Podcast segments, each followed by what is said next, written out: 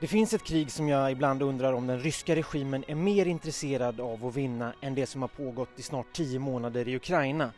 Det handlar om det så kallade kulturkriget, alltså det slag som handlar om värderingsfrågor mellan progressiva och konservativa i synen på till exempel abort, homosexualitet, transpersoner, mångkulturalism, rasism, religion och sekularitet.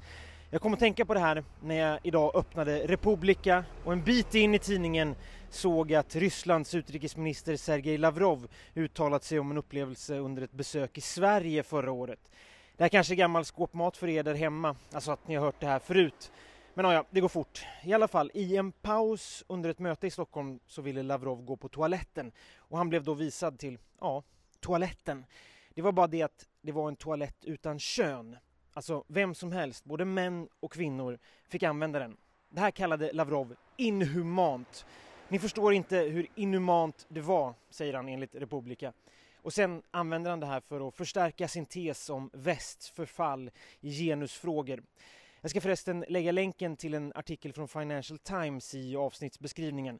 Den handlar om kvinnliga brittiska spioner på MI6. Och det här är också ett inlägg i kulturkriget fast från väst. Men i alla fall, en episod som återberättas i den här artikeln är hur det under kalla kriget kunde vara enklare för kvinnliga spioner att närma sig Ryssland än för manliga agenter.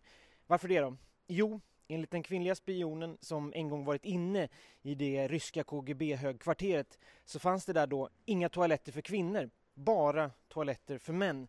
Och om du inte har några toaletter för kvinnor, då betyder det att du inte har några kvinnliga spioner, menar hon då. Och om du inte har några kvinnliga spioner så har du svårt att föreställa dig att din fiende skulle ha det. Därför ska det då ha varit enklare för kvinnor att smita förbi kontroller och liknande. Ja, ni hör ju, kulturkriget fortsätter, precis som tidningskrönikan. Nu kör vi! Come le zingare del deserto con candelabri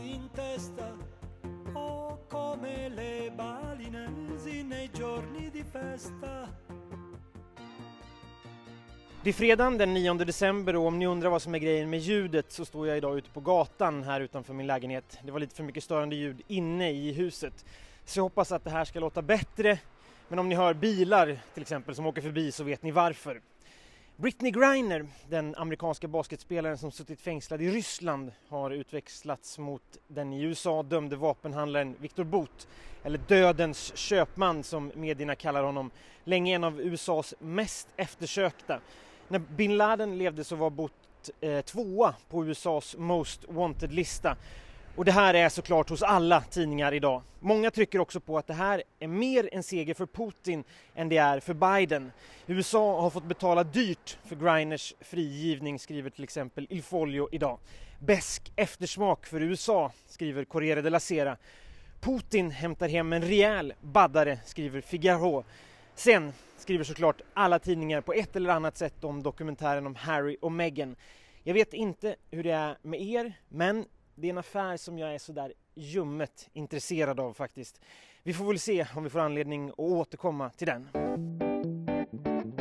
Från och med idag fram till mitten av mars ska 173 fransmän i åldrarna 18 till 87 från hela det samhällsekonomiska spektrat vid nio tillfällen, totalt 27 dagar, debattera och kanske framförallt diskutera en av de allra mest brännande frågorna i fransk politik idag, den om rätten att själv välja när livet ska ta slut, alltså dödshjälp, som idag är förbjudet i Frankrike.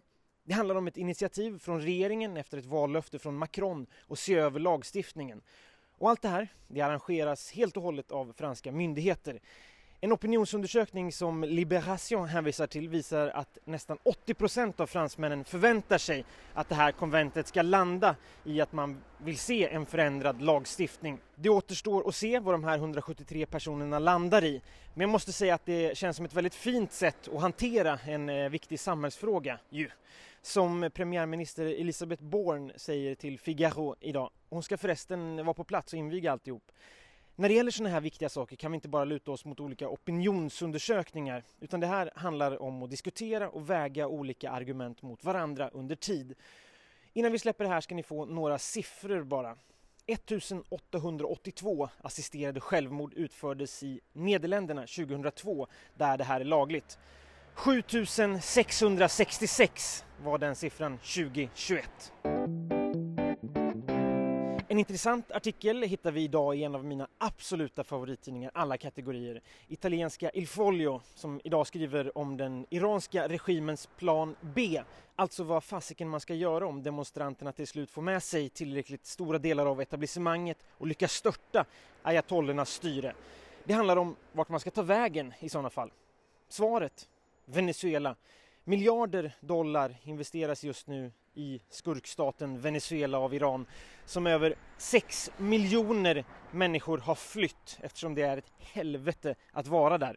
Som en argentinsk vän som varit i alla länder i Latinamerika utom just Venezuela sa till mig. Alltså han har varit i Rios favelor, i Guatemala, Honduras, Nicaragua, Haiti, men aldrig i Venezuela. Det är alldeles för farligt där, säger han.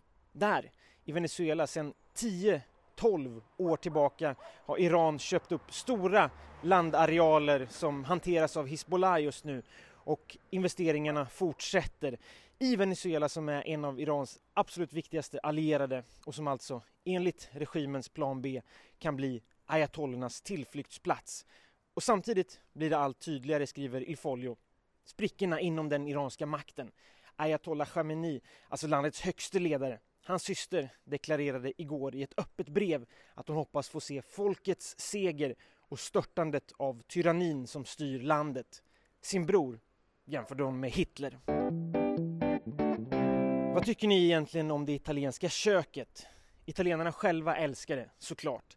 Men de älskar också sin espresso som i hälften av fallen är besk och sur och nästan snudd på odrickbar utan en liten påse socker. Är det verkligen en bra kaffe om man behöver tillsätta 150 gram sötning, brukar jag fråga mig.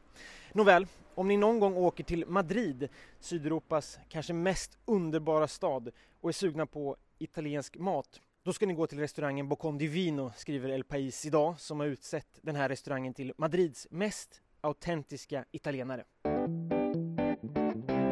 Vi pratade som hastigast igår om att julgranen på Piazza Venezia här i Rom i år är upplyst med hjälp av solpaneler.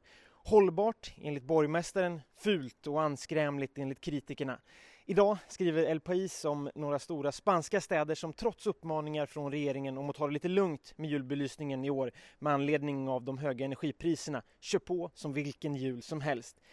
Madrid, Valencia och Zaragoza ska fira jul som om det var 2021, skriver tidningen.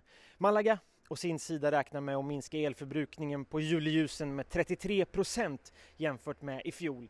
Det ska man göra genom att ha ljusen tända två timmar mindre än under 2021. En annan stad som går samma väg är Vigo. De ska ha sina 11 miljoner LED-lampor tända en timme mindre, vilket kommer att spara 14 procent jämfört med förra året. gira tutti intorno la stanza mentre si danza danza e gira tutto intorno la stanza mentre si danza.